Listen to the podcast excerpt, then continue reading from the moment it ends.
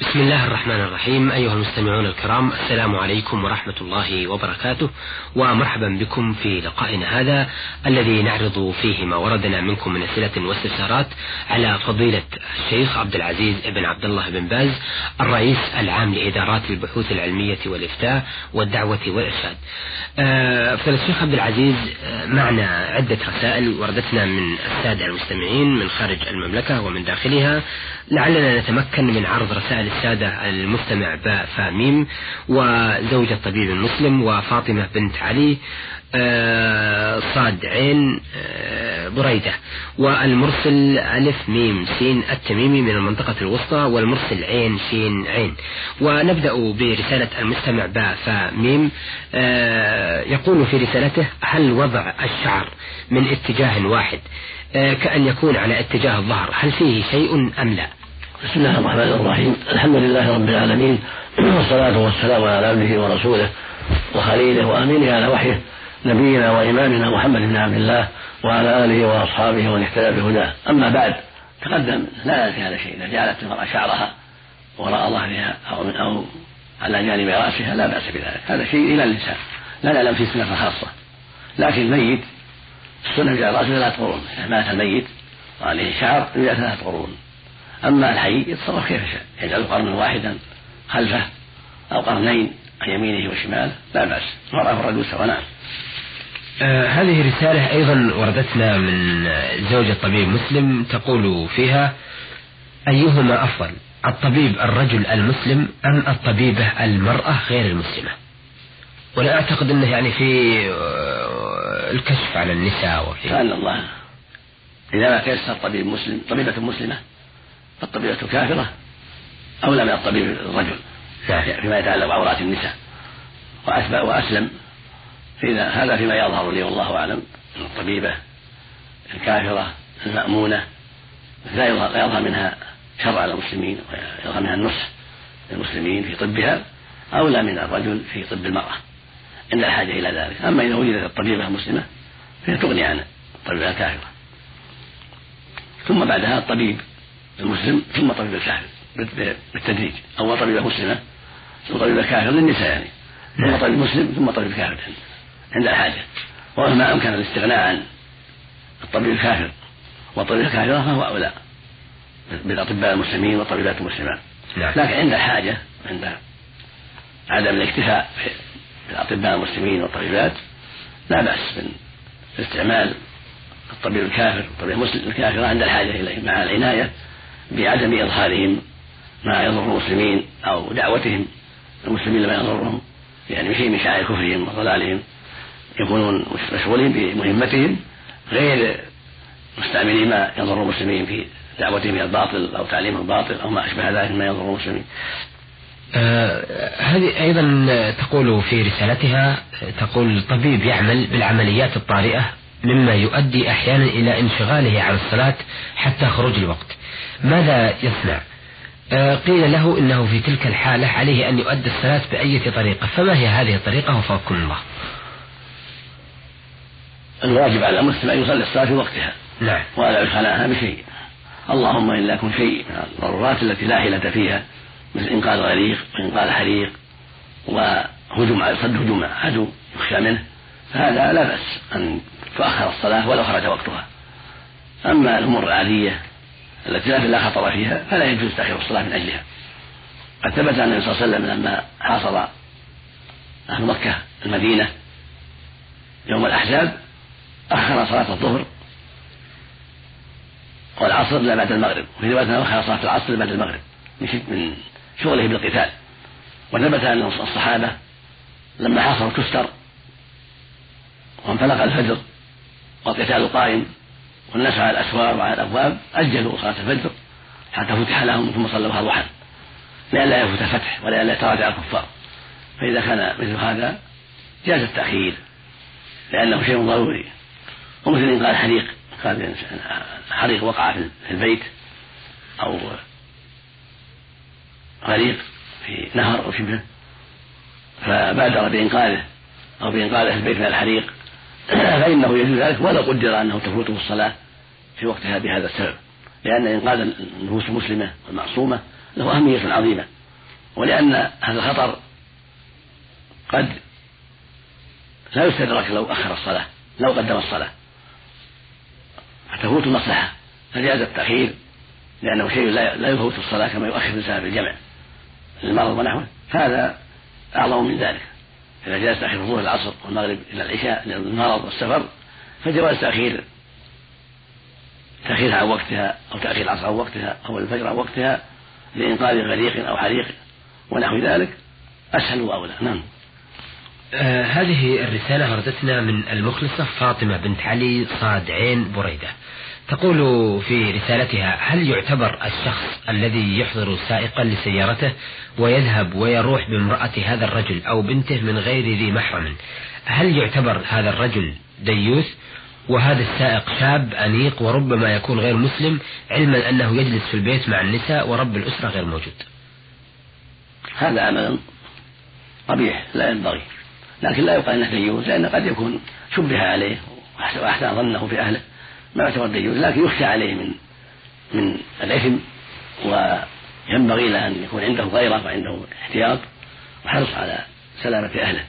لكن لا يطلق عليه إنه ديوث لأن قد يكون له شبهة قد يكون مقصد الشر وغفل بسبب جهله فيعلم ويرشد ولا يقال ديوث الا إذا تعمد الباطل وتساهل حتى صار يرسل امرأته مع الأجنبي من دون من دون من دون محرم ومن دون مخالط ويجعل ويضعه معها يتركه معها في البيت بدون آه، محرم وبدون من يخالطهم. هذا آه، الديانة ظاهرة عليه.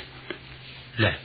فالواجب أنه لا يذهب بالمرأة السائق الأجنبي ليس معها أحد بل يكون معها شيء معها أحد حتى يحصل خلوة. النبي صلى الله عليه وسلم قال لا يخلون امرأة فإن الشيطان ثالثهما فإذا كان معهما ثالث مما يطمئن إليه فلا خلوة. إذا ذهبت ومعها امرأة أخرى أو امرأتان أو معها أخو زوجها أو عم زوجها فإن لا خلوة حينئذ إذا كان إذا كان الخروج ليس فيه ريبة. فلا بأس بذلك. في الحديث لا يدخل لا يدخل رجل على امرأة إلا ومعه رجل أو رجلان لأن في هذا تزول الخلوة. فالخلاصة أنه لا يجوز أن يسوق الرجل الأجنبي بمرأة وحدها بل يكون معها غيرها. حذرا من إثم الخلوة. وحذرا من من غبة هذا الشيء. وما قد يحدثه الشيطان من التزيين من تزيين الباطل. ولا يجلس معها في البيت وحدها ولا ينبغي يجلس معهم في البيت حتى لو كانوا جماعة لأن ينظر إلى عوراتهم. بل يكون خارج البيت في محل آخر له محل خارج البيت في الحوش أو في محل آخر ولا يكون مع النساء في البيت. النساء عورات. ولو كنا كثيرات فإن كان معهن في وسط البيت قد يرى عوراتهم وقد يتساهلون معه في أشياء وقد يفضي إلى خلوة بإحداهن. فلا يجوز أن يكون معهم في البيت. بل يكون على حدة وبعيد عن اختلاطه بالنساء. نعم ولا يجوز أن يخلو امرأة لا في البيت ولا في السيارة.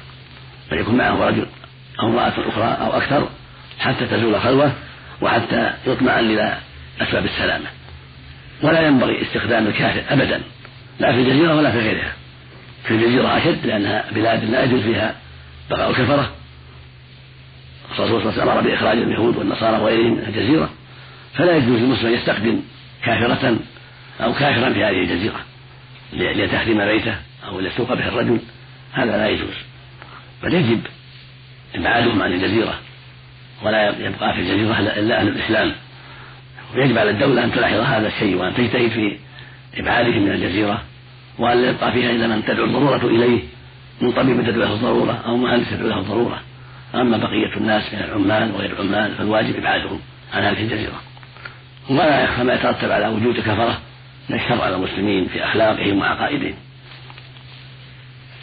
لكن يجوز استخدام الكافر في غير الجزيرة الشام في مصر في العراق غير الجزيرة يستخدمه في أعمال لا تضر المسلمين ولا سيما إذا كان أمينا معروفا بصدقه معروفا بأمانته. فلا بأس يستخدمه سائقا يسوق به أو يستخدمه في عمارة بيت الله أو مزرعة أو ما أشبه ذلك والمسلم خير منه المسلم أولى في كل حال في كل مكان في كل مكان المسلم أولى نعم. المسلم الطيب المسلم المعروف بالاستقامة أولى بكل حال والكافر لا يؤمن. قال الله تعالى يا أيها الذين لا تتخذوا بطانة من دونكم لا يعلمونكم خبالة فالكافر لا لا يؤمن ولا يعتمد عليه ومن طبيعته أنه لا يلون خبالا يعني نقصا ودمارا وتعديا علينا. ومهما أمكن أن يكون العامل مسلما في أي مكان والعامل مسلما في أي مكان هذا هو الذي ينبغي وهذا هو الأحوط والأولى بعدا عن الشر وأهله. نعم. آه، أيضا تقول آه، الأخت فاطمة بنت علي بن القسيم هل يعتبر زانيا الشخص يجعل في بيته خادمة شابة نظيرة ويجعلها ويجلس معها ويمزح معها؟ وما هو دور آه، وما هو دوركم؟ وفقكم الله يا فضيلة الشيخ في ذلك. هل يعتبر زانيا الشخص يجعل في بيته خادمة شابة نظيرة يجلس معها ويمزح معها؟ وما هو دوركم يا فضيلة الشيخ في ذلك؟ تقصد في ذلك جميع العلماء. لا يعتبر زانيا لكن يكون قد تسبب في الزنا نعم. لا يعتبر زانيا بكون جدالة في بيته وحدثها لكنه قد تعاطى أسباب الزنا وفعل أمرا منكرا. فالذي ينبغي أن لا يستخدم إلا المرأة الكبيرة والمرأة التي ليست نظيرة. ينبغي إذا دعت الضرورة إلى استخدامه أن تكون امرأة طائلة في السن وأن تكون غير جميلة. لأن هذا أبعد عن الشر ويكون في البيت من يخالطها من النساء حتى لا يخلو بها. ينبغي له ألا يستخدم امرأة أجنبية إلا إذا كان عنده البيت غير زوجته حتى تكون الخلوة منتفية وحتى يكون هذا أبعد عن الشر.